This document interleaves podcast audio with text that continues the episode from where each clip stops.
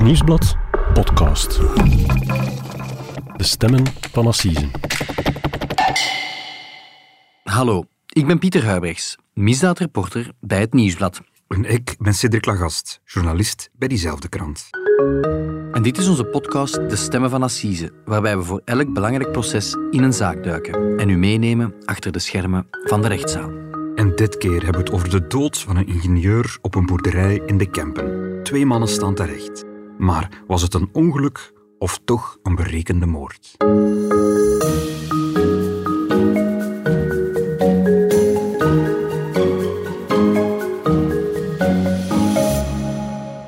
Dag Cedric. Dag Pieter. Cedric, we hebben ons teruggetrokken in onze podcaststudio hier op Linkeroever, want buiten is het waanzinnig heet. Absoluut. 30 graden. Hittegolf. Mhm. Dus trekken wij ons hier terug. En ehm, straks gaan we het hebben over ja, zeg maar de Assise-zaak van het jaar, denk ik, in Vlaanderen. Hè. De moord op eh Aalsters oud-burgemeester Ilse Uitersprot. Hè. Daar is een arrest gevallen. Daar is een arrest gevallen. Hierover later meer. We gaan eerst naar Antwerpen, waar vandaag, vrijdag, eh, een fascinerende assisezaak start. Een opmerkelijke zaak, uiteraard. Het gaat over de dood van een man op een boerderij ergens in de Kempen. Zo hoorde ik je vertellen in de inleiding. Klopt, en we moeten naar Gierle. Dat is een, eh, een klein dorpje in de Kempen. Een beetje te zuiden van Turnhout. Te zuidwesten, denk ik, dat we het een beetje moeten situeren. Het is eigenlijk een dorp dat te midden van landbouwgebied ligt. En eh, ja, daar heeft het verhaal ook mee te maken. Mhm. Dat is niet zo heel ver van waar jij woont. Klopt, ik, ik woon niet in Gierle, ik woon een beetje in de buurt, maar ik passeer wel eens door dat dorp. En ja, het is vooral een dorp dat bekend is als het geboortedorp van voetballer Walter Meus. Voetbaltrainer ook. Maar vooral eh, van zanger Louis Neefs. Dat zal de bekendste inwoner van het dorp zijn, denk ik. Zijn lied Mijn dorp in de Kempen, dat gaat ook over Gierle. En ehm, ja, ze zijn daar ook heel trots op een bekende inwoner. Er staat ook een standbeeld van hem op het centrale plein. En er is een straat naar hem vernoemd. Mhm. Maar daar heeft zich dus een drama afgespeeld waarover vandaag een assiseproces begint. Ja, niet in het dorp, maar op een boerderij eigenlijk net buiten het dorp. Daar is in 2017 een man gestorven op wat op het eerste zegt eigenlijk een ongeval leek. Een ongeval? Ja, er werd gewerkt door een aantal mannen eh, aan een waterput op een boerderij. En dat waren mannen die elkaar goed kenden. De ene zou de andere zelfs financieel ooit eens geholpen hebben. Dus het waren geen onbekenden voor elkaar. En ze werkten eh, aan een defecte waterpomp in, in die waterput. En daarbij zou plots een van die mannen spijt genoeg overleden zijn. Mhm. Het feit dat jij en ik hier nu over de kwestie praten, ja, dat impliceert ja, dat er meer aan de hand is. Er start een assiseproces, er klopt iets niet.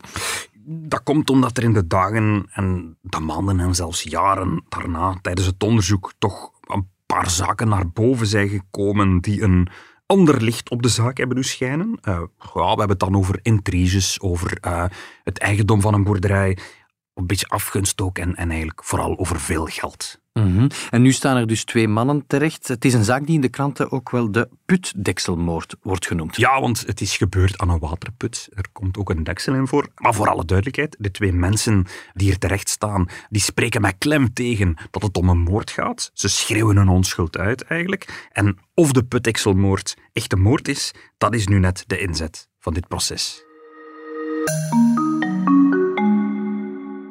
Cedric, neem ons mee naar het begin. Dat is alweer zes jaar geleden, heb ik begrepen. Ja, het hele vraagstuk begint eigenlijk op het moment dat er een ambulance met sirenes en zwaailichten vanuit Turnhout naar de boerderij rijdt.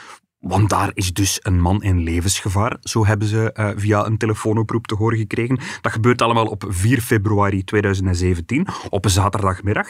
En het gaat hier eigenlijk om een moderne boerderij, een boerderij die al verschillende generaties in handen is van dezelfde familie, waar ook een relatief moderne nieuwbouwwoning is neergezet en waar eigenlijk drie grote varkensstallen gebouwd zijn. En in één van die stallen, daar was dus dat ongeval gebeurd. En wat was er precies aan de hand?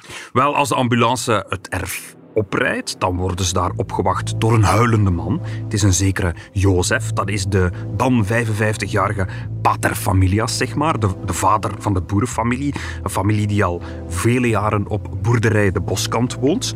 En ja, hij neemt die ambulanciers mee naar de tweede loods. Dat is eigenlijk een lege varkenstal. Daar staat ook de 19-jarige zoon van de boer en er ligt een man levensloos op de grond, naast een open waterput in een grote plas bloed. En die twee ambulanciers die beginnen onmiddellijk met de reanimatie. Er komt ook nog een urgentiearts en die beslist eigenlijk vrij snel om te stoppen met de reanimatie, want, zegt hij, het slachtoffer is overleden. Je beschrijft dramatische scènes, Cedric, scènes die heel veel vragen oproepen. Wat is daar in godsnaam gebeurd? Ja, wel, in de eerste instantie is de boer zelf natuurlijk die, die uitleg geeft. Hij zegt dat het slachtoffer, Paul, dat dat een vriend van hem is. En, en er zouden die dag problemen geweest zijn met de dompelpomp in de waterput. Die put is eigenlijk een regenput en om een of andere reden pompte die pomp alleen maar lucht op.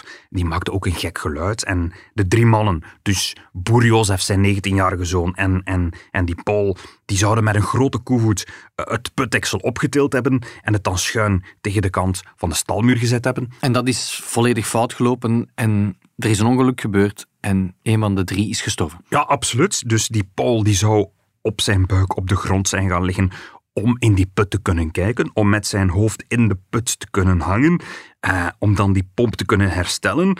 Maar dan is het noodlot toegeslagen, eh, want dat zware betonnen deksel, eh, dat moet plots zijn omgevallen op het hoofd van Paul. En ik had het hem nog gezegd, zegt de boer, zet het iets schuiner, anders valt het nog. Maar Paul zou geantwoord hebben, oh nee, nee, het is maar voor twee minuutjes, dat lukt wel. Mhm. Misschien moet je ook iets, iets kaderen wat voor een deksel dat was. Dat was iets zwaar. Ja, dat is een, een grote betonnen blok, een, een, een soort rechthoek, die 72 kilogram weegt. Een zware deksel dus. Nu, die Paul ligt daar, die, die, die vader en zoon die bellen een ambulance, die beginnen zelf ook onmiddellijk met de reanimatie. De hulpdiensten komen vrij snel ter plekke, maar ja, ze komen te laat eigenlijk, ze kunnen niks niet meer doen eigenlijk. Uh, het slachtoffer sterft daar in de stal. Mhm. Lijken mij zeer tragische gebeurtenissen, eh, Cedric. Ik begrijp nu ook waar het aspect putdeksel eh, uit de titel van onze podcast vandaan komt. Maar hoe link je dat dan aan een moordzaak? Wel, uh, het lijkt ten eerste zicht op een ongeval, maar uh, heel kort daarna komen ook de vrouw en een van de dochters van die Paul op, toe op de boerderij. En ze zijn op zoek naar Paul, ze willen hem komen verrassen. En daar horen ze natuurlijk wat er gebeurd is. En de vrouw van Paul neemt daarop de spoedarts even apart. Zij is zelf ook dokter, dus ze spreekt uh, die spoedarts aan en ze zegt: Dit was helemaal geen ongeval. Heeft dit moedwillig gedaan.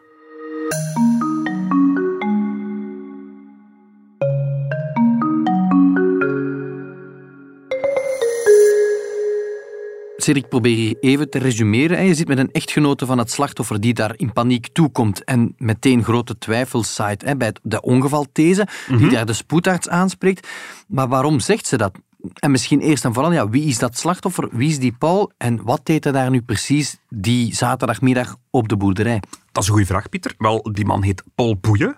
Hij is op dat moment 51 jaar. Hij is eigenlijk een bio-ingenieur en hij werkt als consultant bij een bedrijf dat andere bedrijven adviseert. Maar hij is daar niet op bezoek of zo, want hij is eigenlijk de eigenaar van die boerderij. Mhm. Nu ben je mij even kwijt, want daarnet zei je dat die andere huilende man, hè, boer Jozef, dat dat eigenlijk de paterfamilias van de boerderij was. Dat was zo, maar hij was niet de eigenaar. Of toch niet meer, want we komen hier eigenlijk in een ja, vrij bijzondere situatie terecht, vind ik. Ik laat het je uh, rustig uitleggen. Wel, de boerderij dat was een varkenskwekerij. Die was nog van Frans, de vader van boer Jozef geweest. Een typisch boerengezin. En Jozef had de boerderij in 1993, toen hij 32 jaar was, overgenomen van zijn ouders, samen met zijn echtgenote Francine. En een logische evolutie. Voilà, dat ging over van vader op zoon. En hij had het varkensbedrijf door de jaren ook uitgebouwd, gemoderniseerd. Maar in 2012 was hij failliet gegaan.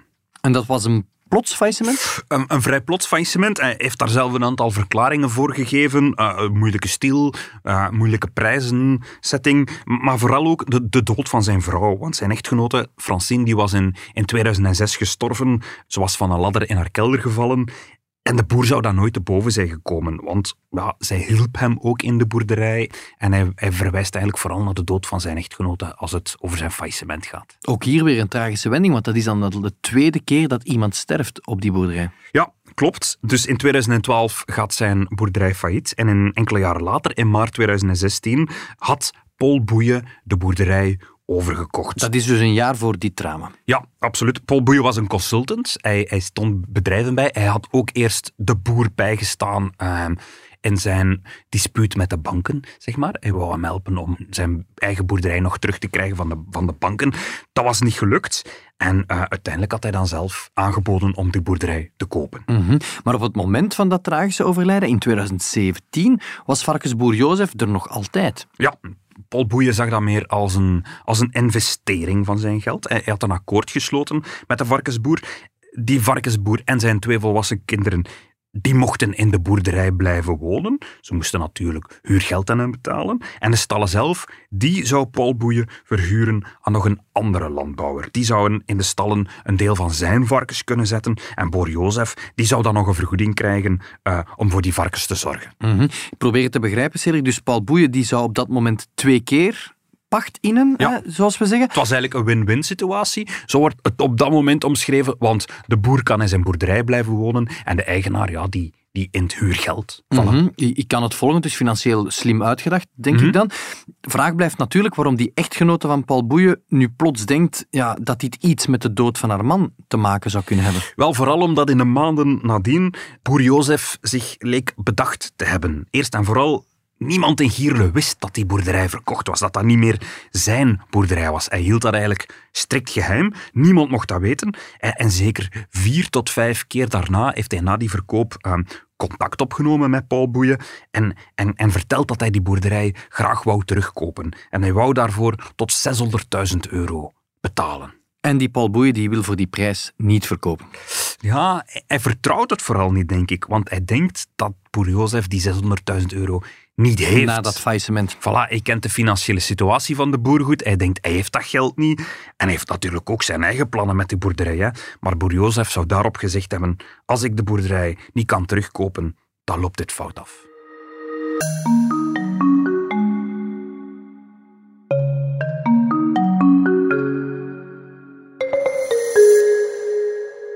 Blijft me triggeren, Cedric, die echtgenote van de man die daar dood in die varkenstal ligt, die meteen zware verdenkingen uit hè, tegen die boer Jozef. Ja. Natuurlijk, verdenkingen alleen, ja, die vullen geen strafdossier. Er volgt een strafonderzoek, neem ik aan, en dan moet een en ander aan het licht komen. Ja, het onderzoek begint uiteraard met een heel nauwgezet, nauwkeurig verhoor van boer Jozef en van zijn zoon. De kroongetuigen. De twee getuigen die aanwezig waren. En die verklaringen die worden daarna heel nauwgezet vergeleken met de vaststellingen van de forensische speurders die eigenlijk komen vaststellen wat is daar precies gebeurd? Mm -hmm, dat lijkt me de logische gang van zaken in een strafonderzoek. Ja. Zijn er meteen zaken die niet helemaal kloppen? Wel, doorheen het onderzoek duiken er zo kleine details op, kleine haperingen, stukjes die niet kloppen. Het begint bijvoorbeeld al met het verslag van de wetsdokter, die het lichaam van Paul Boeien heeft onderzocht. Nu, Boer Jozef en zijn zoon die vertellen dat het deksel in één klap naar beneden is gekomen, dat het plots is omgekanteld op zijn hoofd. Die 70 kilo is gevallen op ja. zijn hoofd. Maar de wetsdokter die telt zeven kneuswonden en een zeer complexe schedelfractuur. En de impacten op het hoofd, stelt hij, zijn eigenlijk uit drie verschillende richtingen gekomen. Er is vanuit drie verschillende bewegingen iets op het hoofd terechtgekomen. En de arts besluit dat dergelijke letsels niet verklaard kunnen worden door het enkelvoudig neervallen van een putdeksel. Dat is een cruciale vaststelling van de wetsdokter. Ja, en ook de stal zelf wordt onderzocht. Er is een forensisch onderzoeker. En die stelt vast dat er op de, op de bodem van de put twee keer de impact van een putdeksel is. Alsof dat, dat deksel dus twee keer naar beneden is gevallen. En het slip dat alleen maar op de bodem van die put aangetroffen wordt en nergens anders in de stal ligt, dat vinden ze ook aan beide zijden van het deksel terug. Dus, als ik dat probeer te begrijpen, Cedric, alsof dat deksel dus twee keer naar beneden is gevallen, niet één keer. Inderdaad, voilà. Dat is zo'n beetje de, de suggestie die ze daaruit overhouden. Er wordt ook een bloedspatanalist eh, bijgeroepen. We hebben in aflevering 68 van onze podcast over de moord op Leslie Swolfs al eens uitgelegd wat zo'n expert doet. Nu, deze twee bloedspatanalisten die onderzoeken de stal en die zien overal bloedspatten, maar ze zien vooral dat die bloedspatten op het deksel in twee verschillende richtingen lopen. En ze concluderen dat de bloedsporen niet verklaard kunnen worden door die uitleg van boer Jozef. Mm -hmm. Dus die boer Jozef geeft een uitleg en wordt eigenlijk klemgezet door de conclusies van de wetsdokter en de conclusies van de bloedspatanalist. Well, klemgezet, hij wordt een beetje tegengesproken, laten we het zo zeggen. Er zijn toch een aantal details die niet onmiddellijk stroken met zijn uitleg. We hebben dus de verwondingen, we hebben de sporen op de bodem van de put, de modder, de bloedspatten. Het zijn op zich allemaal kleine haperingen, Pieter. Indicaties dat hij niet helemaal de waarheid vertelt. Voilà, maar als je die allemaal naast elkaar legt, dan zien die speuders toch een groot verschil met verklaringen van de vader en ze oordelen, hier klopt iets niet. De alarmbellen bij de speurders gaan af en ze zeggen, we gaan boer Jozef misschien beter nog eens op de rooster leggen. En dan gebeurt er nog iets. Dan bekent de 19-jarige zoon tijdens zijn tweede verhoor plots dat op het moment dat Paul Boeien stierf, dat hij er toch niet bij was. Dus eerst heeft hij verklaard dat hij wel aanwezig was. Ja, de vader en zoon hebben altijd gezegd, we waren met drieën in, in, in de stal op het moment dat het gebeurde. En nu zegt hij, ik was eigenlijk in huis, in het woonhuis. Ik, ik was in de badkamer mij aan het omkleden, want ik zou naar de Krawatencross gaan kijken. Wat is de Krawatencross? Dat is een veldritwedstrijd, Pieter, in het dorp ernaast en Lille. Maar bon, hij wou daar naartoe. Hij was zich aan het omkleden. Uh, hij was er niet bij op het moment dat Paul Boeien stierf en hij heeft dat eigenlijk alleen maar gezegd dat hij erbij was omdat zijn vader hem dat gevraagd heeft. Dat impliceert liegen tegenover de speurders? Dat is zo. Dat uh, brengt hem in een lastig parket, maar het brengt vooral zijn vader in een, in een ernstig parket. Uh, want die vader heeft niet alleen ook tegen de politie gelogen, meer nog, hij heeft niemand meer die zijn versie kan bevestigen. Er zijn geen andere getuigen meer. En alles zal dus afhangen van een reconstructie van het drama. Ja, we hebben vaak de, zo de neiging, denk ik, als, als crimijournalisten van ja, zo'n reconstructie, wat, wat brengt dat allemaal nog bij? Want alles is toch al geweten. Maar in dit geval lijkt me dit een cruciaal iets. Ja, de eerste reconstructie die gebeurt op 28 februari.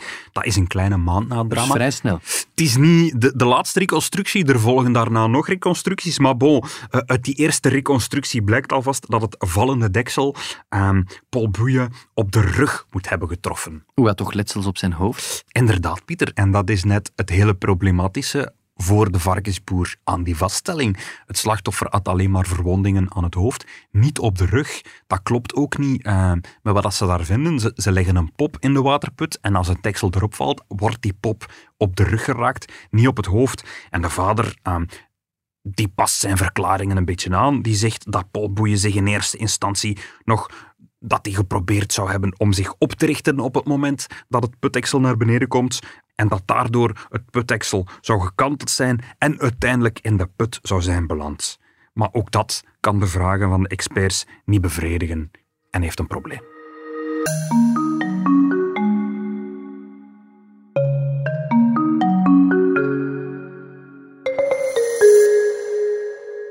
het onderzoek naar de moord van Paul Boeien, de eigenaar van de boerderij, dus dat heeft al heel wat alarmbellen doen afgaan. De speurders zijn overtuigd dat er iets niet klopt.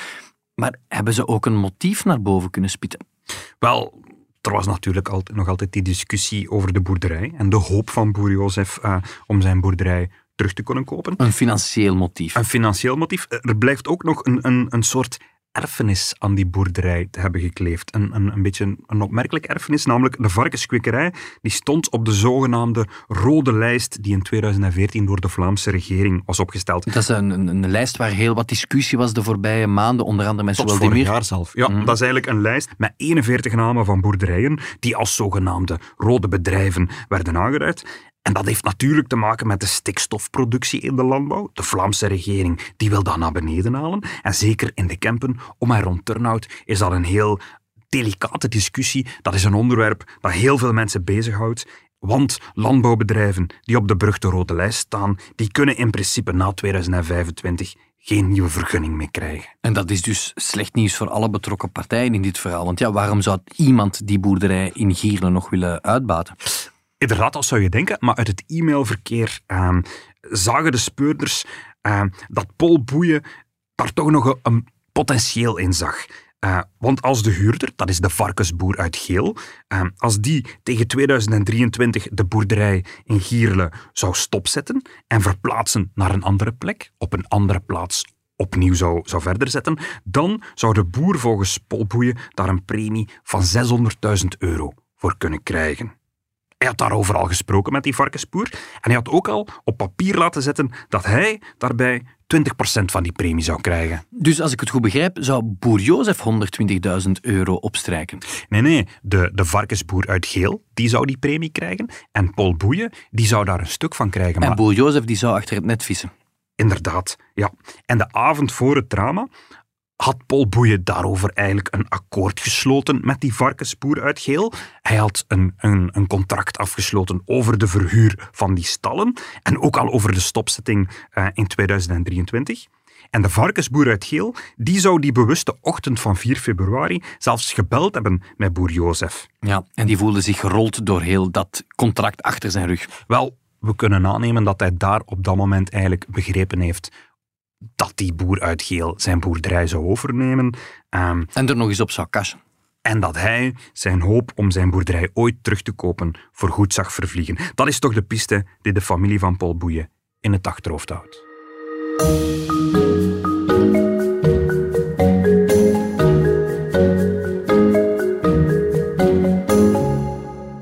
Cedric, intussen zijn we zes jaar na de bewuste feiten. Vandaag in Antwerpen gaat dat lang verwachte assiseproces van start. Is het een ongeval? Is het doodslag? Is het moord? Dat moet eh, blijkbaar nog blijken. Wat mij nog is opgevallen, hè, als ik goed geluisterd heb naar wat je daarnet in onze podcast hebt gezegd, er staan niet één, maar twee mensen terecht voor een volksjury. Jawel, varkensboer Jozef, die is ondertussen al 61 jaar oud, die moet verschijnen wegens het opzettelijk doden van Paul Boeien met voorbedachte raden, moord dus. Maar ook zijn ondertussen 26-jarige zoon, die moet ook voor assise komen. Uh, voor dezelfde aanklacht zelf. En allebei zijn ze ondertussen vrij. Ze, uh, de boer zelf is als laatste vrijgekomen na één jaar. En ze mochten afgelopen vijf jaar hebben ze een proces uh, thuis mogen afwachten. Vrij in afwachting ja. van hun assiseproces. Maar ze hebben zich begin deze week allebei moeten aanmelden aan de gevangenis minstens voor de duur van een proces. Mm -hmm. Wat ik niet begrijp, want je zei daarnet van hij ging naar de krawatencross, hij was in de badkamer zich aan het omkleden, hij, hij zegt in zijn tweede verklaring van ik was er niet bij. Waarom staat die zoon dan terecht? Wel, eigenlijk was hij zelf al door de raadkamer vorig jaar uh, buiten vervolging gesteld. De openbare aanklager die had dat ook met zoveel woorden gevraagd. Hij zou eigenlijk niet voor de rechter moeten verschijnen hiervoor. Maar de borgerlijke partij, dat is de familie van Paul Boeien, die hebben daar beroep tegen aangetekend. En uiteindelijk heeft de KI, de Kamer van Inbeschuldigingsstelling, beslist dat de zoon toch voor assise moet komen. Mm -hmm, dat zijn opmerkelijke wendingen. Dat, is, dat zijn geen lichtzinnige beslissingen die daar door de KI genomen zijn. Dus eerst nee. zegt het gerecht zelf van hij moet niet naar assise, maar gaat dan in beroep. Ja. En er komt nu toch een assiseproces met de zoon erbij. Waarom is dat? Om een zo open mogelijk uh, proces te garanderen, klinkt de motivatie dan. Nu, de inzet van dit proces zal in eerste instantie zijn, wat is daar precies gebeurd? Want tot op vandaag houdt de varkensboer vol dat het een ongeluk was en dat hij geen hand heeft in de dood van Paul Boeien. Nu, als de zoon mee in de beschuldigde bank zit, kan je hem als advocaat van de burgerlijke partij, ik zeg maar iets, ook heel specifieke vragen stellen. En stel nu, ik zeg maar iets, dat de vader op het proces bij bepaalde aspecten plots naar de zoon zou wijzen, dan kan de zoon daar meteen op, op, op reageren of om een reactie omgevraagd worden. Hè. Nu, voor de openbare aanklager creëert dat wel een opmerkelijke situatie, zullen we maar zeggen. Want Mhm. ze hebben eigenlijk al een beetje in hun kaarten laten kijken. Hè. Ze hebben eigenlijk al de buitenvervolgingstelling gevraagd voor die zoon. Ze zijn ervan overtuigd dat de zoon er niets mee te maken heeft. Dat mag daaruit blijken. Dus wat kan er op een proces eigenlijk nog gebeuren dat dit zou kunnen veranderen? Mhm. Dat maakt het wel heel fascinerend natuurlijk ook voor ons om volgen, want vaak, we moeten we ook wel bekennen, assiseprocessen, dat, ja, min of meer staat er al vast eh, dat het om moord of doodslag gaat. De, Ja. de beschuldigde heeft bekend. In dit geval zit je met twee figuren op de beschuldigde bank die zeggen, wij hebben er niets mee te maken, van een moord is geen sprake. Absoluut, ja. De afloop is onduidelijk, de inzet is hoog, eh, dan heb je goede advocaten nodig, denk ik. Wel, vader Jozef heeft eh, twee bekende advocaten onder de arm genomen. Dat zijn eh, Walter Damen en eh, Davina Simons van zijn kantoor. Mhm, Die heb ik recent nog gezien op het ja, zeg maar beladen Reuzegom-proces. Ehm, zeker Walter Dame is denk ik aan zijn vijfde of zesde assiseproces van het jaar toe en is een ja, oudgediende op assise Ja, we mogen ook niet vergeten dat eerder dit jaar Walter Damen ehm, op Assise in Antwerpen toch een, een opmerkelijk resultaat heeft geboekt. Dat ging over een, een steekpartij op café, waarbij dat een man is overleden en een andere man terecht stond. En die, eh, die man is met twee jaar cel naar huis gewandeld die dag. Dus ehm voilà. Mhm. Davina Simons is er heel vaak, vaak bij aan zijn zijde. Hè. Ik neem aan dat zij resoluut voor de vrijspraak gaan. Absoluut, net zoals de zoon, denk ik. Die wordt verdedigd door eh, meester Romy Gijzen. Dat is een advocaat uit Turnhout. Oké. De familie van Paul Boeien? Die heeft meester eh, Joris Verkraaien onder de arm genomen. Ook een bekende advocaat, hè. onder meer de advocaat van eh, Siam El Kawakibi bijvoorbeeld. Voilà. Nu voor de volledigheid. De openbaar aanklager in deze zaak is, eh, zoals zo vaak in Antwerpen, Bjorn Baks. En de voorzitter die alles in goede banen moet leiden is Jos de Koker. Een assiseproces, Pieter, dat in Antwerpen voor de allerlaatste keer in de zaal in het Vlinderpaleis doorgaat. Want deze week heeft justitieminister Vincent van Quickenborne plechtig het oude Antwerpse Justitiepaleis aan de Britse Lei heropend. Ja, ik heb er foto's van gezien, het ziet er imposant uit. Ja, dat was een, een gerechtsgebouw dat jaren heeft leeggestaan, dat nu opnieuw is uh, uh, in gebruik genomen. En daar zullen na de zomer opnieuw de assiseprocessen in Antwerpen plaatsvinden. Oké. Okay. Cedric, bedankt om dat hier in de studio zo deskundig te komen uitleggen. We gaan dat proces uiteraard ook volgen in de krant, op de website, op Instagram en via onze kanalen hè, van Stemmen van Assise. We komen er uh, ongetwijfeld in een uh, volgende podcast op terug. Oké. Okay. Bedankt. En zoals beloofd, Cedric, keren we nog even terug naar ja, dat andere belangrijke proces in uh, Gent dat uh, zijn arrest heeft uh, gekend. we halen er even onze collega Mark Kliefman bij, die anderhalve week samen met Annelies Rutten en Sophie Geuses ja, van s ochtends tot s avonds laat, want het waren lange zittingen, het proces rond de moord op Ilse Uitersprot heeft gevolgd. Hoe is dat uiteindelijk afgelopen daar? We hebben een paar zware weken achter de rug. Zware dingen gezien, zware dingen gehoord. Uh, maar misschien waar dat we ons aan moeten optrekken is, we hebben uh, ook door getuigenissen een, een, heel mooi beeld van onze mama. Uh, waar dat ze eigenlijk een, een sterke, lieve en behulpzame vrouw is. Een fantastische vrouw en een fantastische mama. En ja, ik zeg het, zo sluiten wij dit proces af. Mark, na anderhalve week beladen proces in Gent ben je terug op onze redactie uh, aanbeland. Hè. Het was een zeer intens proces, denk ik, hè. de moord op uh, Ilse Uiterspot. Zeker, zeker. Het was een, het was een zeer intens en heel, heel beladen proces, zoals je zegt. Ja, we hoorden dat hier net ook in het geluidsfragment hè, van onze collega's van de VRT. De twee zonen van Ilse Uiterspot, heel de anderhalve week aanwezig, hè, die voor het eerst uh, voor de camera reageren. Hè. Ja, en het gaat dus om, om Alek en Yannick van Impe. Dat zijn dus inderdaad de, de twee zonen van Ilse Uiterspot. En ze hebben dan samen met hun vader Frank uh, in de gang van de assisenzaal na het proces hebben ze heel kort aan de, de pers toegesproken. Mm -hmm. En effectief, dat was de eerste keer in drie jaar dat zij zelf reageerden, dat, uh, dat echt wel de, de schijnwerpers op hun stonden. Ze hebben nooit gesproken sinds de nee, dood van uw bewust niet. Ze hebben dat bewust nooit gedaan. En zoals dat je hoort in het fragment, hè, dus ze wilden van het proces vooral onthouden dat ja, dat, dat heel veel mensen, getuigen, vrienden, vriendinnen van hun moeder zijn komen vertellen wat voor fantastische vrouw zij was. Um, natuurlijk werd dan ook gevraagd van ja, heeft het proces dan wel de, de nodige antwoorden gegeven op jullie vele vragen? Is het louterend geweest? Voilà, maar daar, dat vinden ze niet. Um, dat komt natuurlijk ook omdat ja, de waarom-vraag, waarom Jurgen de Mesmaker hun moeder heeft gedood, na anderhalve week is die vraag eigenlijk nooit beantwoord. En die vraagtekens blijven, en dat beseffen zij ook. Maar ik moet wel zeggen, dus die twee zonen blijven daar, zoals heel het proces, enorm waardig en, en, en sereen onder. Mm -hmm. De nabestaanden van Ilse Uiterspot, ja, die hebben natuurlijk gehoopt op een levenslange opsluiting voor ja. Jurgen de Mesmaker, maar dat is het niet geworden. Nee, al ging iedereen daar misschien een beetje te makkelijk van uit. Uh, dus de familie heeft ja, na afloop uh, ja, hebben zij gezegd van kijk, wij hadden inderdaad wel liever een levenslange opsluiting gehad. En dat viel ook wel op, want uh, maandagavond laat, uh, toen werd Jurgen de Mesmaker echt schuldig bevonden aan de kwalificatie moord. Hè, dus doodslag met voorbedachtheid. Dat was heel belangrijk, dat was ook de inzet van het proces. Mm -hmm. um, en je, je, zag dat dan ook, dat was een enorme ontlading bij die mensen, bij die nabestaanden. Hè. De, de zonen en hun vader, die vielen elkaar ja, echt wel emotioneel in de armen. En dan ja, een dag later, dan werd er gepleit rond die, rond die strafmaat. Hoeveel jaar zou die dan in de gevangenis moeten zitten voor die moord?